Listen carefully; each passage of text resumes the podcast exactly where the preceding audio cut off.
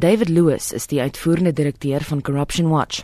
Hy verduidelik hoekom hulle die hof genader het. We are seeking to have the removal from office of Mr. Nkosana set aside and by extend, extension the appointment of Mr. Abrams set aside. We're also asking for an order that the president be barred from participating in the appointment or removal of the NPA given his manifest uh, conflict. Uh, everybody knows that one of the most important decisions that the head of the NPA has to make is whether to prosecute the president or not. Die advokaat wat Freedom on the Law verteenwoordig, Wim Trengove, voer aan dat president Jacob Zuma nie bevoeg was om die hoof van die vervolgingsgesag aan te stel nie.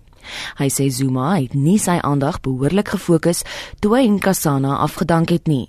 Trengove bevraagteken ook die rede waarom Nkosana uit vrye wil bedank. The president has hopelessly failed to seriously and unambiguously test of Whiteman's case and the SCA At the high water mark of his version is a one or two sentence version that says at the end of 2014, beginning of 2015, Mr. Nkosana made the request. That's all he says.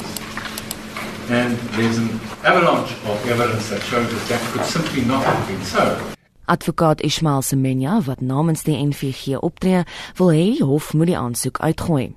Semenya sê daar is verskillende redes waarom die hof nie die aansoek behoort te oorweeg nie.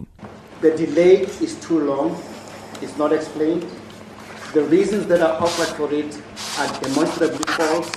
And for that reason, for those two reasons alone, we submit that this application for the nation must be refused. Die aansoek word vandag met verdere betoë voortgesit. Hierdie bydra van Neil Makweteng in Pretoria en ek is Jean Marie Verhoef vir SAK nuus.